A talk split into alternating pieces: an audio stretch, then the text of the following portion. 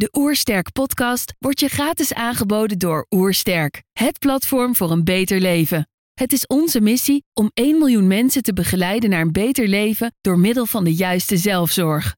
Wil je weten hoe jij kunt werken aan een beter leven? Ga dan naar www.oersterk.nu gezondheidscheck voor onze gratis gezondheidscheck en krijg direct jouw uitslag met persoonlijk advies.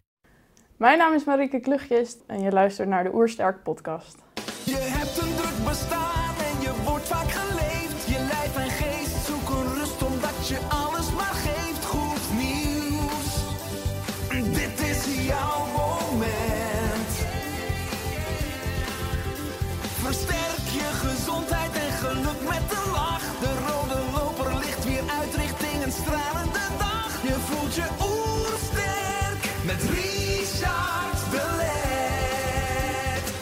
Zijn hier in Heemskerk voor een podcast met Marieke Klugkist. Marieke was vicevoorzitter van de stichting Studenten Leefstijl. Opgericht door geneeskundestudenten om kennis en vaardigheden aangaande voeding en leefstijl onder toekomstige artsen te vergroten. Ik ben benieuwd naar haar tips voor een beter leven. Trouwens, geniet je van onze podcast? Abonneer je dan en laat een reactie of review achter. Zo help je ons om het gezondheidsvirus te verspreiden. Let's start. De Oersterk Podcast. Een ontdekkingstocht naar een beter leven. Marieke, welkom. Dankjewel. Ik lees op jullie website: leefstijl als preventieve maatregel dan wel medicijn moet een prioriteit worden van artsen, van patiënten, burgers, bedrijfsleiders en overheidslieden. Waarom vinden jullie dit? Ja, omdat ehm, de eh, hoeveelheid uh, leefstijlgerelateerde ziektes echt de pan uitstijgt. Ik denk de hoeveelheid chronische ziektes wordt steeds groter. Ehm, en ik denk met name dat wij als artsen daar echt een belangrijke rol in kunnen spelen. En dat dat ook een kans is die we nu moeten pakken.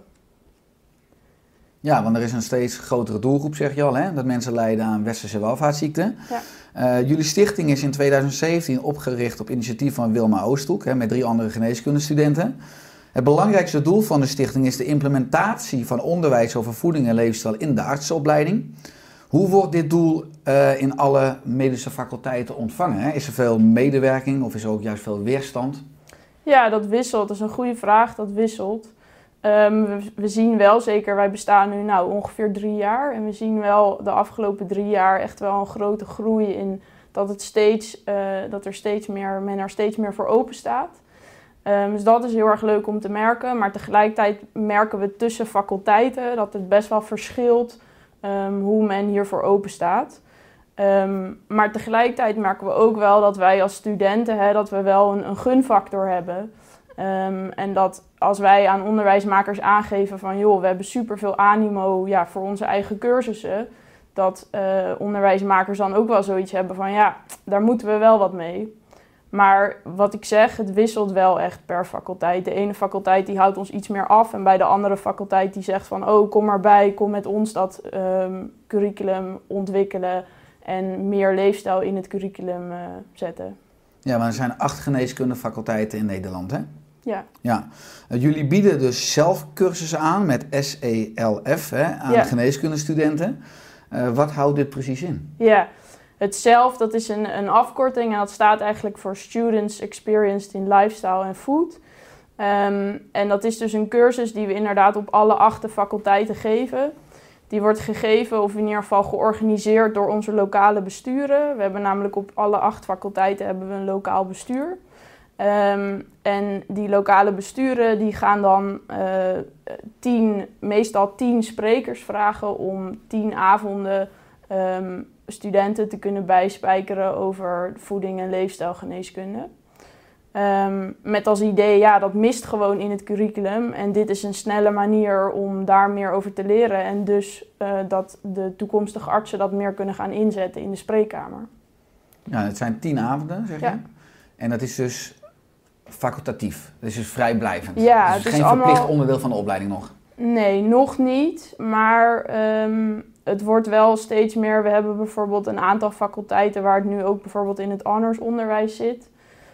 Um, en het komt wel ook steeds meer in het reguliere curriculum. Want dat is natuurlijk ook ons doel. Kijk, zo'n extracurriculaire cursus is leuk, maar Ehm, daar komt ja, een honderdtal, 150 studenten heen. Wat op zich best wel veel is, denk ik, voor een cursus in de avond die je dan ook nog na je kooschappen nog moet gaan volgen, waar je al hele lange dagen draait. Mhm. Ehm, maar tegelijkertijd bereik je niet alle studenten. En dat is natuurlijk wel wat heel erg nodig is als je kijkt naar de groei van die welvaartsziektes. Mhm. Ehm, dus eigenlijk zien we onze zelfcursus altijd heel erg een beetje als een middel om vervolgens naar onderwijsmakers toe te stappen van joh, moet je zien hoeveel animo er is voor onze cursussen. Moeten we dan niet met elkaar om tafel hoe we dat curriculum ook kunnen gaan veranderen?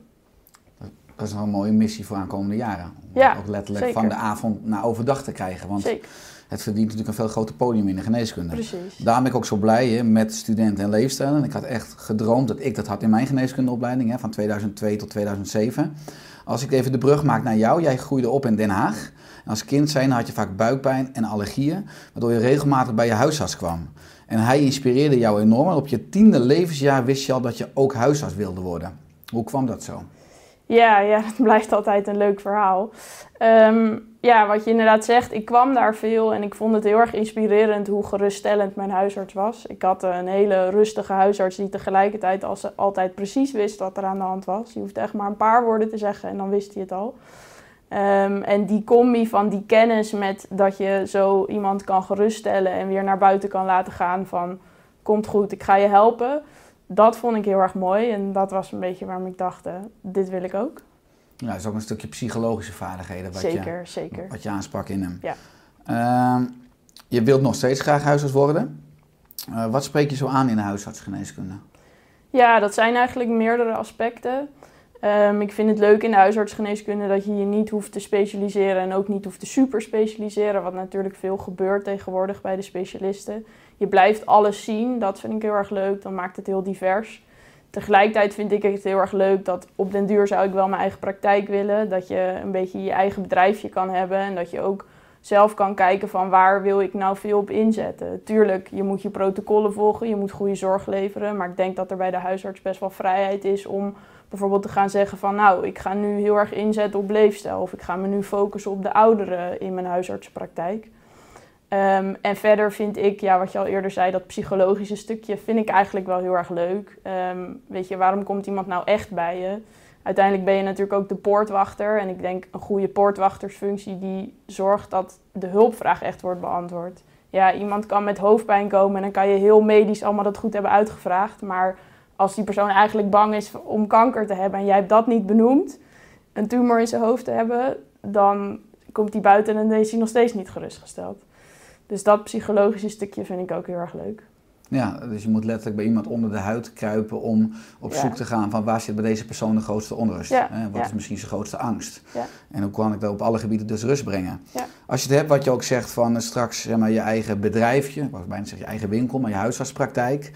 Eh, de combinatie gaan doen van huisartsgeneeskunde met leefstijlgeneeskunde, is daar steeds meer ruimte voor? Want ik had vroeger heel erg in mijn tijd het gevoel dat je dan twee deuren moest hebben. Dat je s'morgens heel regulier werkte. En dat je dan smiddags bij wijze van spreken een andere deur moest hebben waarin je veel meer ging werken met, met voeding en leefstijl. Is dat nu beter te combineren? Nou, ik denk het wel. Ik denk wel wat ik eerder al zei. Hè. Het, de, de tijd is er nu veel rijper voor. Er zijn in de hele medische wereld wordt er wel steeds meer, eh, komt er wel steeds meer aandacht voor voeding en leefstijl. En dat merken wij bij onze stichting ook heel erg. En als je ook bijvoorbeeld kijkt hè, naar wat er in de kranten staat. Nou, bijna ieder weekend staat er wel weer een enorm artikel wat iets met leefstijlgeneeskunde te maken heeft. Dus in die zin denk ik dat dat zich ook doorvoert naar bijvoorbeeld een huisartsenpraktijk. Maar tegelijkertijd, ja, als je reëel bent, het is nog steeds natuurlijk wel zo, de huisarts heeft 10 minuten. ehm, dan is het best lastig om het ook over leefstijl te gaan hebben.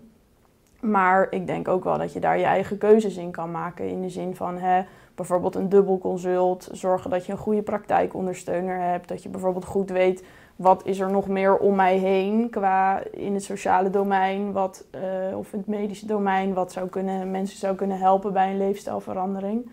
Ehm, dus ik denk dat je daar ook wel gewoon zelf een beetje in moet kijken van hoe kan je dat goed aanpakken. Tegelijkertijd denk ik wel, en dat is wat wij als stichting natuurlijk heel erg zeggen. Kijk, een arts moet geen nieuwe diëtist of fysiotherapeut worden. Dat is niet de taak. Ik denk, de taak is meer het signaleren, het motiveren en vervolgens naar de juiste plek doorverwijzen. en dan misschien een stukje in de gaten houden van, joh, gaat het echt beter met iemand zijn leefstijl? Ehm, maar ja, je moet niet onderschatten, denk ik, als arts, hoe je toch wel echt best, mm, toch nog steeds wel in deze tijd best nog wel een autoriteit, of als, als een autoriteit gezien wordt. Ehm, en dat je daarin nou best wel iemand echt een knop om kan draaien als je hem op de goede manier weet te motiveren.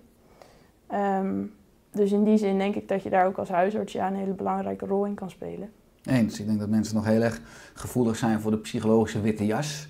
En dat is ook een stukje placebo-effect wat gewoon altijd Ja. meespeelt. Maar Ja. inderdaad, er is een stuk autoriteit. En, eh, Ja. Maar het gaat natuurlijk in de basis dat patiënten en dat mensen in het moderne leven beter zeg maar, worden begeleid in het trainen van leefstijlvaardigheden. Eh. En inderdaad, de tijd die je als huisarts hebt met een patiënt, of het nou 10 minuten is of een half uur, is toch vrij kort. Want die patiënt gaat weer het maatschappelijke leven in. Moeten we uiteindelijk ook veel meer een systeem creëren dat patiënten en mensen zeg maar, veel makkelijker de gezonde keuze maken. Dus dat is ook natuurlijk een stuk politiek en zorgverzekeraars, dat alle domeinen gaan samenwerken. Zeker weten, zeker weten. Ik denk, ja, dit is gewoon een groot probleem wel, de, de opmars van de welvaartsziektes. Ehm, en dat is dus een probleem wat je met z'n allen moet aanpakken. Ehm, dus ik denk zeker eh, dat de politiek bijvoorbeeld daar ook een hele grote rol in kan spelen. Maar inderdaad ook zorgverzekeraars. Ook, nou ja, waar wij dan voor pleiten, hè, het onderwijs van artsen. Dat zijn allerlei factoren die samen, er, samen ervoor moeten zorgen dat op een gegeven moment het ook gewoon makkelijker wordt voor mensen om een gezonde leefstijl te hebben, te handhaven. En als ze een slechte leefstijl hebben, om dat te veranderen.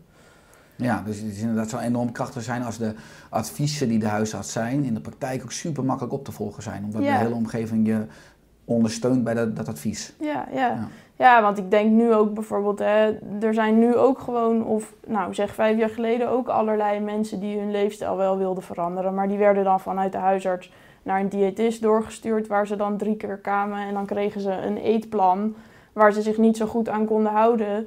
Eh, Logisch, want leefstijl veranderen is gewoon hartstikke moeilijk. Ehm, en dan vervolgens was het van ja, ja eh, dit werkt niet. En dan bleven ze weer zitten met hun oude leefstijl.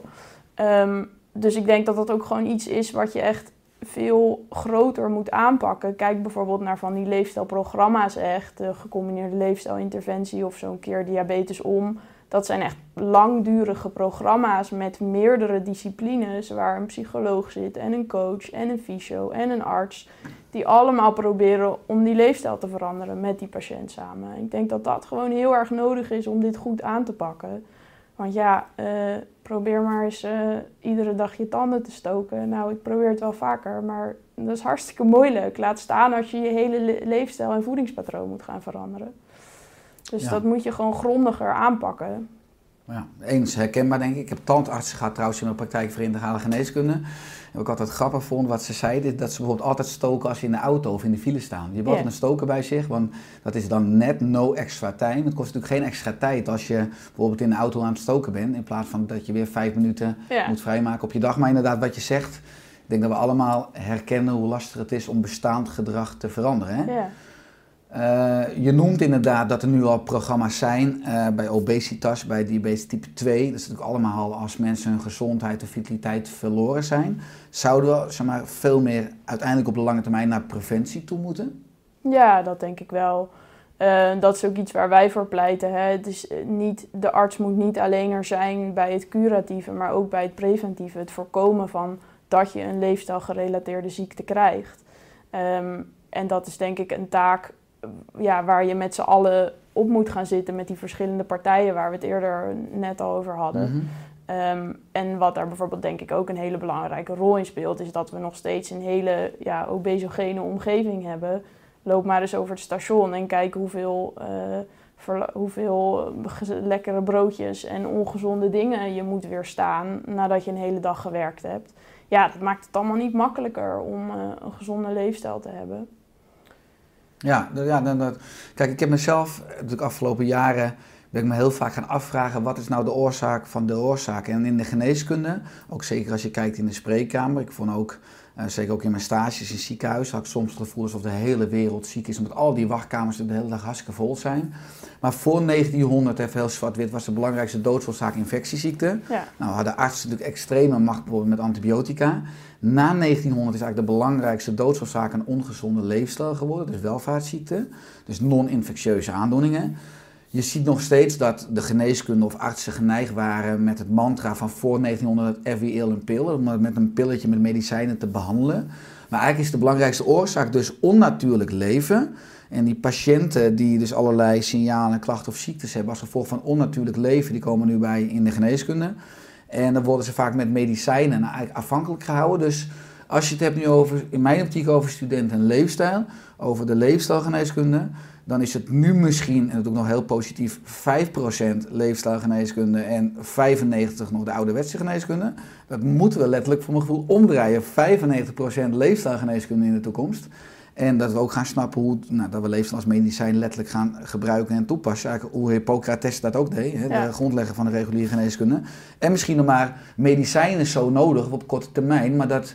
eh, ja, ik ben nog een dromer. Hè. Ik- Misschien eh, presenteer ik nu een droomwereld, maar het zou natuurlijk eh, fantastisch zijn als de huisarts van de toekomst, of de arts van de toekomst, veel beter aansluit ook bij de oorzaak van, eh, van pathologie, van afwijkingen, wat, wat, wat nu de hoofdoorzaak onnatuurlijk leven is. Ja, ja, nee, zeker eens. Ik denk 95% is heel veel. Want ehm, kijk, er zijn natuurlijk ook acute dingen in de geneeskunde waar eh, je met leefstijl, ja, je moet gewoon iemand behandelen. Of bijvoorbeeld huidaandoeningen die met leefstijl minder te maken hebben. Maar ik denk wel zeker inderdaad, we hebben toevallig een onderzoek gedaan in alle faculteiten hoeveel onderwijs er nou over leefstijlgeneeskunde wordt gegeven. En daar komt dan uit mijn hoofd gemiddeld 3,6% van het hele curriculum uit. Dus het is nog minder dan 5%. En als je dat afzet tegen de enorme groei aan welvaartsziektes, wat nou uit mijn hoofd zo 50% is, wat allemaal leefstijlgerelateerde aandoeningen zijn, ja, dan is dat gewoon heel erg scheef. Ehm, dus dat ben ik zeker met je eens. Ehm, en ik denk ook dat we nu als artsen, we doen gewoon best wel veel aan symptoombestrijding inderdaad, in plaats van dat we echt de oorzaak aanpakken. Of in ieder geval de bijdrage aan zo'n ziekte. Want ja, het is voor, denk ik, alle ziekten, voor vrijwel alle ziektes niet goed als jij niet buiten komt, niet beweegt, heel ongezond eet. Ja, dan kan je van heel veel ziektes zeggen dat het daar slechter van wordt. Ongeacht of dat nou een oorzaak is, maar het, is, draagt in ieder geval niet bij. Eens. Je, nou, wat ik zei, als tienjarig meisje wist je, hè, ik wil huisarts worden. Eh nou, middelbare school. Eh, op een gegeven moment besloot je dus met geneeskunde te starten. Hoe kwam je op een gegeven moment in die geneeskunde in aanraking met dus eh, student en leefstijl? Ja, ehm, ik had gewoon zelf al langer tijdens mijn kooschappen met name... ehm, had ik zoiets van, oh, dit gaat soms zo gek. Eh, dan was ik bij de huisarts, deed ik kooschap en dan eh, kwam er een patiënt binnen die had heel erg last van haar knieën, maar die had ook wel echt overgewicht. En dan begon de huisarts niet over dat overgewicht, maar wel over die knieën. En dan stuurde ze, dan gaf ze die patiënt geloof ik pijnstillers voor die knieën, iets in die trant. En dan dacht ik, ja, dit klopt toch niet? Ehm, en tegelijkertijd bijvoorbeeld ook eh, bij de gynaecologie ehm, heb ik ooit een praatje gegeven over moeten we niet veel meer ehm, kijken naar hoe vrouwen die net bevallen zijn. eh zijn natuurlijk best wel een, een aantal die daar een postnatale depressie bijvoorbeeld krijgen. Moeten we daar niet veel preventiever mee aan de gang gaan? Dat zij in het bevallingstraject of in het zwangerschapstraject al bijvoorbeeld vragenlijsten kijken om te kijken van ehm, hoe, eh, hoe gevoelig ben jij hiervoor? Ehm, nou ja, dus zo door al mijn kooschappen heen was er wel iets waarvan ik dacht, eh, dit klopt niet. Eh, ja, te veel symptoombestrijding en te weinig oorzaak. Ehm, en toen zag ik op een gegeven moment eh, iets langskomen, ik geloof op social media, eh, over studenten en leefstijl. En toevallig hadden ze net op dat moment een vacature voor het landelijke bestuur. En- Dat moet je ook maar willen, want het is allemaal vrijwilligerswerk. Allemaal Ja. buiten je kooschappen en je studie en je opleiding. ja. Je had ook kunnen zeggen, ik ga het als student volgen die tien avonden. Maar jij zegt, nee, ik word lekker vicevoorzitter. Ik ga nog meer tijd en energie. Dus Ja. wat, wat is je drijfveer? Ook Ja, dat- nou ja, springen? drijfveer is vooral gewoon van er moet echt iets veranderen. En als je iets wil veranderen, dan moet je er zelf ook iets in investeren. Eh, dus dan kan ik wel die cursus gaan volgen, maar ik kan ook studentenleefstijl helpen groter maken, want dat heeft een veel grotere impact. En het is ook natuurlijk een stukje frustratie wat ik dan zelf heb vanuit die kooschappen en waar ik iets, echt iets mee kon doen op het moment dat ik in dat studentenleefstijlbestuur kwam. Ehm, dus dat is denk ik mijn drijfveer, het stukje frustratie. Ik wil hier iets mee doen, dan moet je er gewoon mee aan de slag gaan. Eh, en zo kwam ik bij Studenten en Leefstijl terecht. En heb ik gesolliciteerd op het landelijke bestuur. En dat was in 2018 uit mijn hoofd. Toen bestond het, eh, de stichting anderhalf jaar, twee jaar. Ja, want je gaf aan, hè, elk van de acht geneeskundefaculteiten aan de Nederlandse universiteit heeft een eigen studenten- en leefstijlbestuur. Overkoepelend is er een landelijk bestuur, waar jij dus vicevoorzitter bent. En wat zijn jullie taken? Ja, Ehm, nou, meerdere eigenlijk. Ehm, kijk, we sturen het land, de lokale besturen natuurlijk aan. Eh, de lokale besturen, hun hoofdtaak is het organiseren van die extracurriculaire cursus. Maar we hebben altijd gezegd van die extracurriculaire cursus, die moet wel aan een bepaald niveau voldoen. Eh, in principe mogen zij dat heel zelfstandig doen. En zij mogen ook zelf de sprekers zoeken, de onderwerpen maken, maar er is wel een format aan leerdoelen waar die cursus aan moet voldoen. Want uiteindelijk krijg je van ons ook altijd een certificaat. Nou ja, als we in verschillende steden certificaten uitdelen, dan moeten die wel allemaal van hetzelfde niveau zijn. Ehm, dus dat sturen we aan. We kijken hè, wat voor sprekers zijn er. eh, gaat dat allemaal goed volgens de leerdoelen? Ehm, en daarnaast zijn we ervoor om eh, verder de missie en de visie van de stichting uit te dragen. Eh, doen we ja, landelijke praatjes bijvoorbeeld, gaan we naar de pers toe, naar de politiek toe, et cetera. Ehm, en zorgen we weer voor de verbinding tussen de lokale besturen. Dat als zij, eh, we organiseren bijvoorbeeld een aantal keer per jaar wat we noemen een supervergadering. En dan komen we met z'n allen bij elkaar en dan gaan we verder kijken van hoe gaat het met de stichting. Lopen jullie als lokaal bestuur nog tegen bepaalde dingen aan? Eh, dan kunnen we het daar onderling verder over hebben. Dus het is echt het overkoepelen, het in de gaten houden van gaat het met de lokale besturen allemaal goed? Moeten we nog ergens bijspringen? Maar ook de missie en de visie verder uitdragen. Ja, als je het hebt dus over eh, die tien zelfavonden voor studenten. Als je het hebt over die lokale en het landelijke bestuur. Ook afgelopen corona-jaar heeft alles door kunnen gaan. Want het is natuurlijk een uniek jaar. Ook als je Ja. het hebt over eh, het bezoek misschien aan universiteiten nu en thuisonderwijs. Ja, nou ja, wat we hebben gedaan is ehm, dat we onze extracurriculaire cursus, de zelfcursus, die hebben we eh, eigenlijk grotendeels online doorgezet. En dat is wel ehm, grappig om te merken. We hebben dit jaar echt nog veel meer aanmeldingen dan eerder. Ja, waarschijnlijk omdat hè, het moet allemaal, gaat allemaal vaak naast de kooschappen. En als dan iets online is en je kan gewoon thuis zijn, dan gaat dat een stukje makkelijker. Eh, dus dat is eigenlijk allemaal doorgegaan. Wat op een gegeven moment niet meer doorging, in ieder geval niet fysiek, waren onze supervergaderingen. Dat is wel heel jammer, want het is natuurlijk wel een moment van verbinding. En dat je elkaar ook wel energie geeft om weer te gaan vechten voor de stichting. Ehm, maar eh, dat ging wel online door. En ja, grotendeels. eh, wij waren altijd al, bijvoorbeeld wij als landelijk bestuur, wij komen allemaal uit verschillende steden. Dus wij vergaderen al online, dus dat ging allemaal wel door. Ehm, en gesprekken met faculteiten, ja, dat was iets minder fysiek, iets meer online. Maar we hebben niet echt zoveel last gehad van corona. Nee. Oké, fijn. Als je kijkt ook naar de afgelopen jaar, of misschien nou ja, de afgelopen twee jaar, sinds 2018 dat je erbij zit. Wat is nou het leukste dat je zelf of jullie als stichting hebben meegemaakt?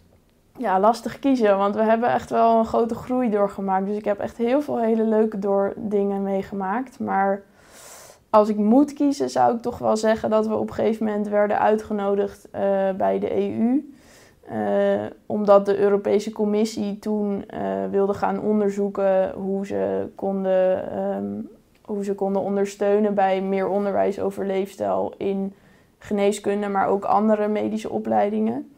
En toen hebben ze een soort van groot congres georganiseerd. En daar mochten wij als een van de weinigen een praatje geven. Omdat ja, wij konden het studentenperspectief laten zien. Waar was dat? Eh, dat was in Luxemburg. Was Luxemburg. Dat. Dan Ja. ben ik aan een praatje in het Engels. Ja, ja, zeker.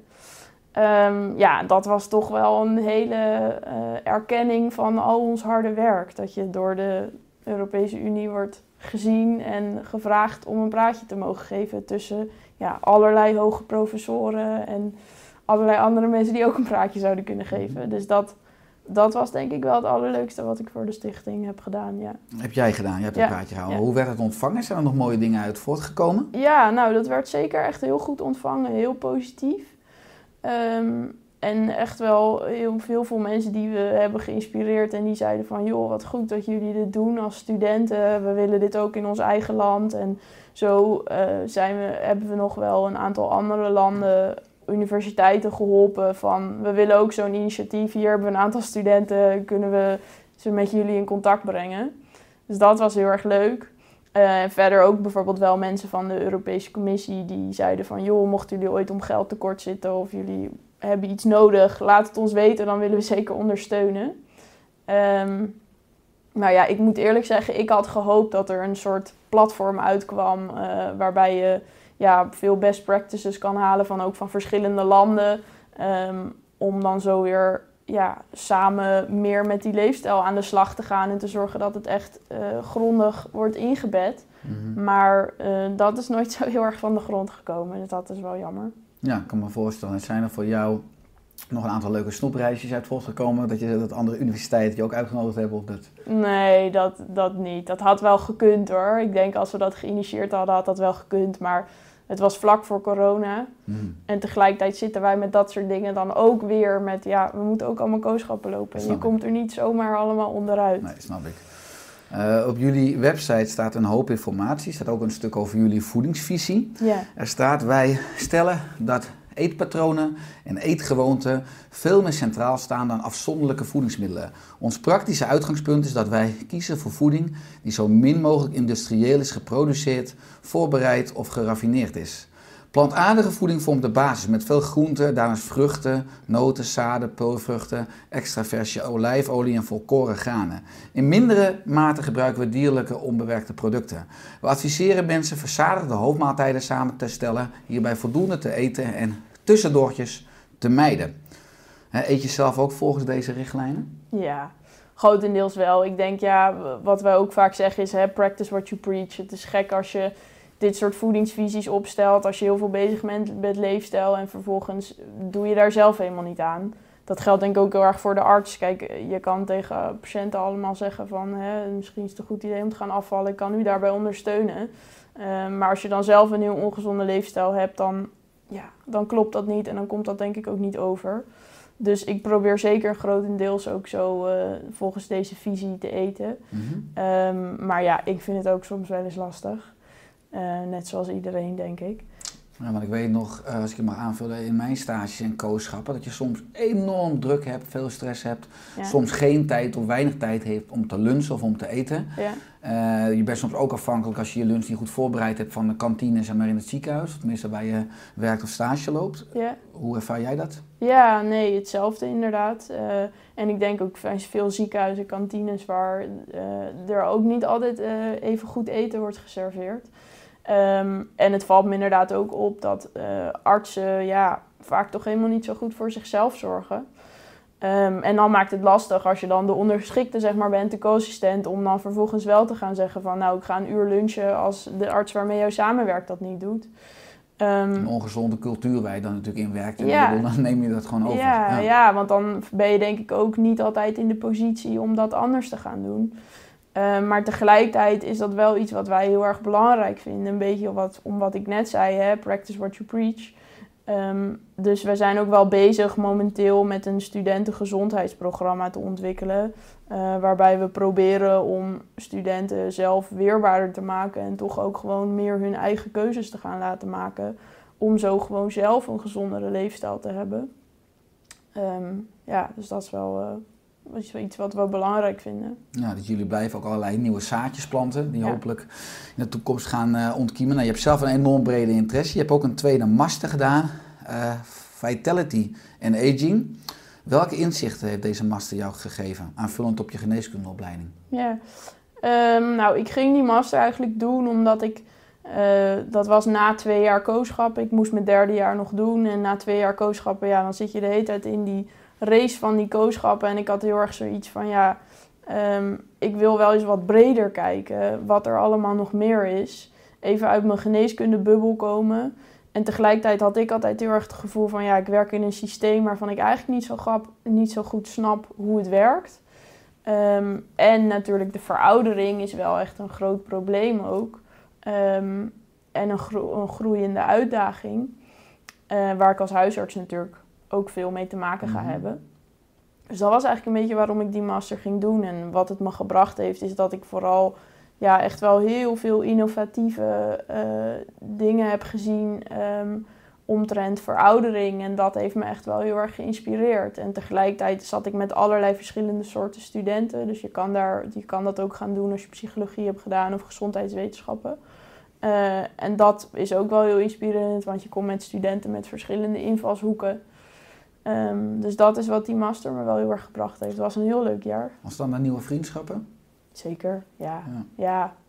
Ja, als je het hebt van ik wilde eigenlijk wel ook wel even mijn geneeskundebubbel uit. Hè, naar, je, doet, je loopt drie jaar nu stage in je kooschappen. Ja. Totaal nu. Hè? Ja. En in mijn tijd was de geneeskundeopleiding natuurlijk vier jaar theorie en twee jaar praktijk. Want het is veranderd naar drie jaar om drie jaar. Hè? Ja. Eh, je hebt enorm veel interesse in voeding en leefstijl. Eh, zie je dat ook terug in je stages? In, dat je nou, in ieder geval eh, op de afdelingen of bij huisartsen, je gaat ook hele ziekenhuis door, dat je ook regelmatig artsen gebruik ziet maken van leefstijl als? Of zeg van, wat ik soms dan denk, er moet een oude generatie uitsterven en die jonge generatie groeit op met deze nieuwe inzichten en het zal er steeds meer in gaan komen, maar er gebeurt nu nog te weinig. Ja, eens. Het gebeurt nu veel te weinig. En dat is denk ik ook waarom wij als stichting er zijn. Want ja, als je ergens geen onderwijs over krijgt, dan ga je het ook niet inzetten in de spreekkamer. Um, dus ik denk zeker, dat heb ik in mijn eigen kooschap ook gemerkt, het gebeurt veel te weinig dat er over leefstijl wordt gepraat. Um, dus daarom willen wij meer onderwijs daarover, uh, zodat dat ook gewoon in de spreekkamer meer wordt ingezet. Want dat is nu echt wel te weinig. Ja. Heb je wel eens in een consult wat toegevoegd vanuit jouw perspectief, vanuit de leefstijlgeneeskunde, van hé, hey, uh, zullen we dit ook integreren in het, in het behandelplan? Was daar ruimte voor om ook? Want het lijkt me enerzijds heel frustrerend als je een droom hebt, je hebt een bak kennis. Yeah. En aan de andere kant heb je continu ben je in een soort systeem aan het werk waar daar nog geen gebruik van wordt gemaakt. Yeah. Wat een gemiste kans is als je bruggen zou bouwen. Ja, ja, zeker. Nou, ik denk wel nu zo richting het einde van mijn studie, hè, als je wat zekerder in je schoenen staat en ik ook um, ja, steeds meer met dat leefstijl bezig was, dat ik wel heb geprobeerd om vanuit mijn eigen inderdaad uh, overtuiging um, patiënten een gezondere, aan de, het gesprek aan te gaan over een gezondere leefstijl. Maar ik, ik, kan niet zo zeggen dat ik naast een, een oude, zeg maar wat oudere arts heb gezeten en dan zelf heb gezegd van joh, zullen we dit nog erin integreren? Ik denk ook niet dat dat, ja, dat is niet helemaal je positie daar. Ik denk je kan het wel zelf inderdaad initiëren. Als jij zelf aan het einde van je studie zie je natuurlijk steeds meer patiënten gewoon ook wel alleen, onder supervisie, maar ook wel alleen. Mhm. Um, en dat ik dan bijvoorbeeld wel een man had die uh, heel erg last had van boezemfibrilleren. Nou, dat is ook iets wat best wel leefstijl gerelateerd kan zijn. En dat ik met hem wel lang heb gepraat van, goh, u heeft er nu zoveel last van. Is dat ook iets waar u aan zou kunnen werken? Is dat misschien iets om nog met de huisarts te gaan oppakken? En ik heb bijvoorbeeld wel vaker tegen patiënten gezegd van... goh, misschien is het een idee om eens te kijken naar bijvoorbeeld zo'n keer diabetes 2 om. Zou dat iets voor u zijn? Um, dus ik probeer het wel zo erin te fietsen, ja, dat wel. Het soms, ik weet uit mijn eigen tijd dat het altijd wel een spanningsveld was dat je ook niet te mondig moest zijn of te eigenwijs, dat het zelf een negatieve uitwerking kon hebben op je beoordeling. Ja. Is dat ook een, soms een spanningsveld? Dat je denkt, nou ik hou me maar dom? Ja, nou ja, niet ik hou ik me maar niets, dom, bedoel, maar ik, zeg, wel... ik zeg maar niets, bedoel ik dan? Ja, Ja. ja. wel van, wordt het me nu in dank afgenomen, zeg maar, of gaat het me tegenwerken? Dat, dat denk ik wel, maar ja, dat is, ook heel erg, dat is ook heel erg dan aftasten van, ben je met artsen die welwillend tegenover het hele leefstijl staan, of eigenlijk niet zo? En uh, De persoonlijkheid tegelijkertijd... van de arts en de persoon achter de arts, zeg maar. Ja, ja, en tegelijkertijd merken wij ook wel hoor. Uh, kijk, bij sommige artsen, als je zegt van hè, uh, ik zit bij studentenleefstijl, soms moet ik ook tijdens kooschappen daar bijvoorbeeld iets voor doen. Sommigen vinden dat heel vervelend en lastig, maar er zijn er ook heel veel die zeggen van goh, wat interessant, wat doe je dan en wat goed. En ga daar lekker heen. Heel goed dat je dat doet. Ehm, dus dit wisselt ook. En ik Mhm. Ben het wel met je eens dat het, ehm, denk de oudere generatie is die heel erg een bepaald beeld wel heeft van wat de arts is. En daar past dit hele stukje leefstijl en preventie niet in. Mhm. Dus daar ben ik wel met je eens dat het meer de nieuwe generatie is die eh, daar steeds meer, eh, die steeds meer zoiets heeft van ik moet daar iets mee in de spreekkamer. Nou, ik ben ook enorm blij dat er een nieuwe generatie ook artsen hè, opgroeit met die inzichten die jullie ook aanbieden met studenten en leefstijl. Als je gewoon kijkt ook naar de huidige cijfers, dan word je daar dus niet per definitie blij van. Ik lees op jullie website, 50% van de volwassenen lijdt aan een chronische aandoening die primair of mede het gevolg is van bewegingsarmoede, chronisch overgewicht, slechte voeding, drank, drugs, slaapgebrek of chronische stress. En als je nou enorm nou, groot mag dromen, hoe kijk je dan naar de arts van de toekomst? Ja. Ehm, nou ja, ik denk de arts van de toekomst is in de basis die iemand die, iemand die genoeg kennis heeft over hoe die het leefstijlgesprek aan kan gaan in de spreekkamer. Hè, en dat is zowel eh, gesprekstechnisch gezien, want dat is, dat is echt wel een vaardigheid om een, een goed gesprek over leefstijl aan te gaan. Waarbij je, niet, eh, tegen te- waarbij je het niet zo doet dat je tegen heel veel weerstand stuit van een patiënt. Dus dat gaat om die gesprekstechniek. Anderzijds gaat het ook wel om de inhoudelijke kennis. Ehm, want ik denk altijd dat het een patiënt ook kan helpen als jij kan zeggen van... goh, u heeft nu deze ziekte. Ehm, als u uw leefstijl gaat veranderen, dan kan dat dit en dit voor u veranderen. Dat, u, dat je daar bijvoorbeeld ook cijfers en statistiek voor kan noemen. Ehm, dus ik denk dat dat is echt het stuk basiskennis. Want op die manier kan jij jouw signalerende functie en jouw motiverende functie in de spreekkamer inzetten. Om dan vervolgens eh, de patiënt door te verwijzen naar de juiste plek toe. Ehm, dus dat, dat is denk ik wat ik heel erg zie als de arts van de toekomst. Ehm, tegelijkertijd denk ik dat een arts zich bewust moet zijn toch wel van zijn autoriteit. Er zijn wel van die onderzoeken gedaan. ehm, Waarbij er dan mensen wordt gevraagd van wie ziet u als de grootste au- autoriteit op het, op het gebied van voeding en leefstijl. En wat zeggen ze dan? De arts. En dan denk ik, hoeveel uur onderwijs heb ik daarover gehad? Helemaal niks. Dus hoe kan ik dan de grootste autoriteit zijn? Ehm, dus daar zit een heel gek iets wel.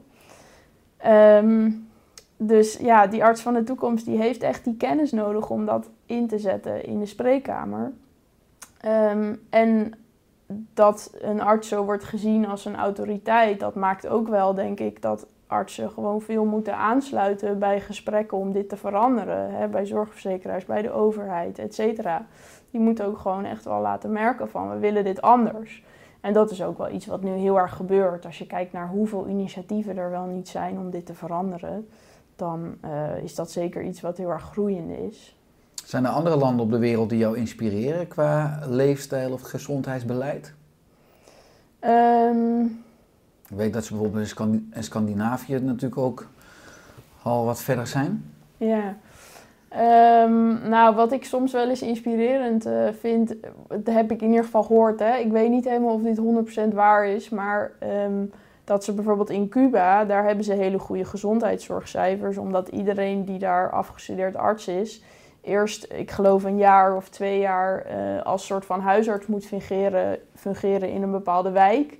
Eh, waarbij ze in die wijk heel erg eh, gewoon de deuren af moeten gaan om te gaan kijken van hoe gaat het qua preventie en leefstijl hier.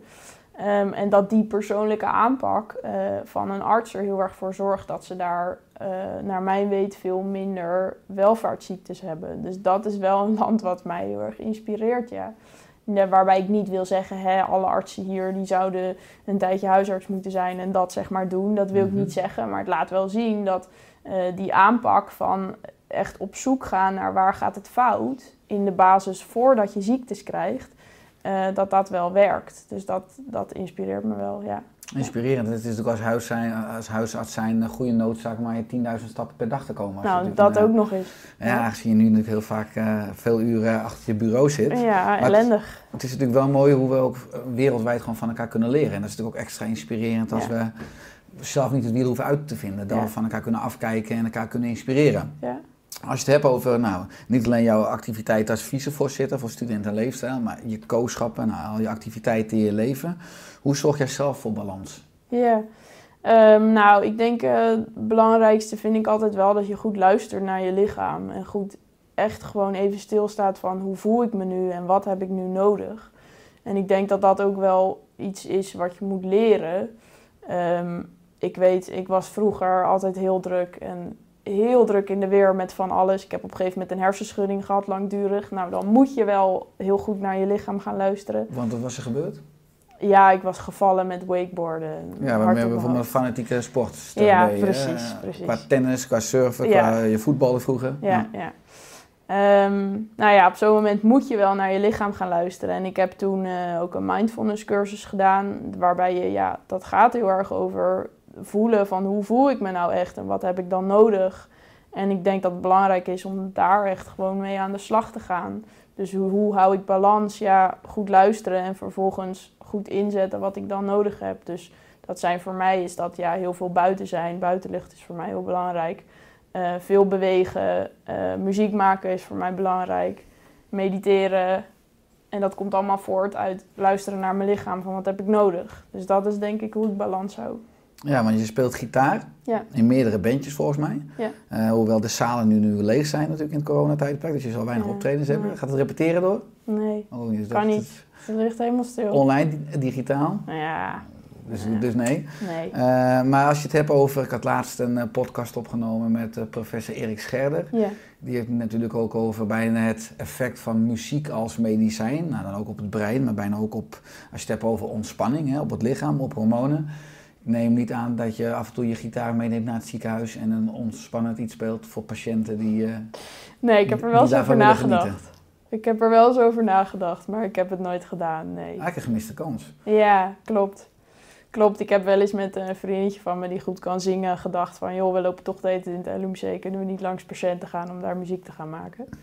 Maar dat is nooit gebeurd, nee. Nou, misschien is het zaadje bij deze geplant. Ja. Eh, wat is je missie of je droom voor aankomende jaren? Wat betreft studentenleefstijl? Of, eh, Eh, ma- mag veel breder. Ja.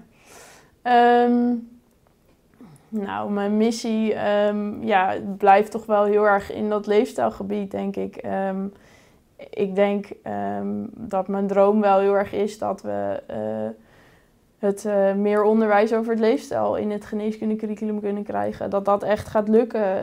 Het raamplan is natuurlijk recent veranderd.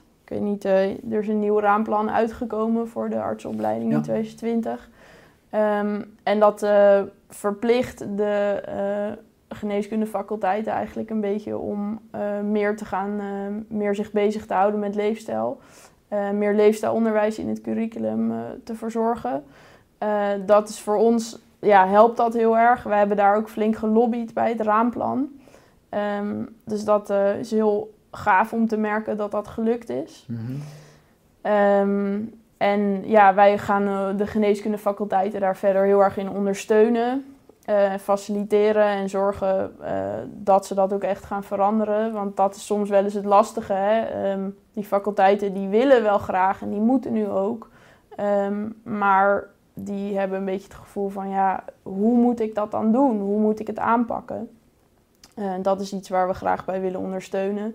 Dus ja, mijn droom zou zijn dat eh, er gewoon heel veel onderwijs over leefstijl in het curriculum komt. Ja, Ja. en dan overkoepelt je al een beetje dus de droom van de stichting. Jouw droom is natuurlijk huisarts worden. Ja. Eh, nog drie jaar en natuurlijk als je basisarts bent voor eh, de titel huisarts. Ja. Eh, en dan? Als, als ik huisarts ben, Mhm. ja. Ehm, nou ja, dan denk ik eerst eventjes werken als waarnemend huisarts. Eerst even echt huisarts worden. En dan op een gegeven moment eh, wil ik wel een huisartspraktijk openen. Ehm, en dan zelf kijken van hoe kan ik het leefstijl nog meer eh, implementeren in mijn eigen, eigen huisartspraktijk. Maar ook bijvoorbeeld eh, hoe kan ik meer aan analyse van alle patiëntengegevens gaan doen. Database analyse om daar mijn beleid beter op in te stellen.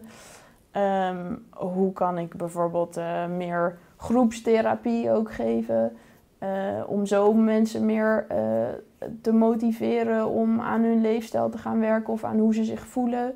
Eh, dus dat zijn allemaal innovatieve dingen wat me heel erg leuk lijkt om in de huisartspraktijk in te zetten.